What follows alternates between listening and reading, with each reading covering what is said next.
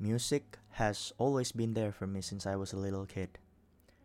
My first memory about music was when my dad used to sing me Father and Son by Cat Stevens. I haven't played that song since forever, but I could still remember the one and only part that my dad used to sing. It goes like this It's not time to make a change. Just relax, take it easy. You're still young, that's your fault. And there's so much you have to know. It hits me hard every time I listen to that song now. I used to think that it was just a basic random song that my dad liked. But now that I'm older, the lyrics really hit me hard. I'm 19 now.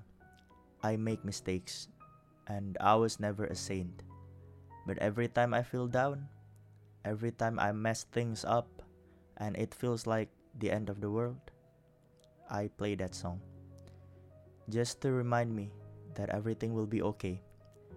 And even though now I live alone, far from my dad, I know that some part of him will always be with me.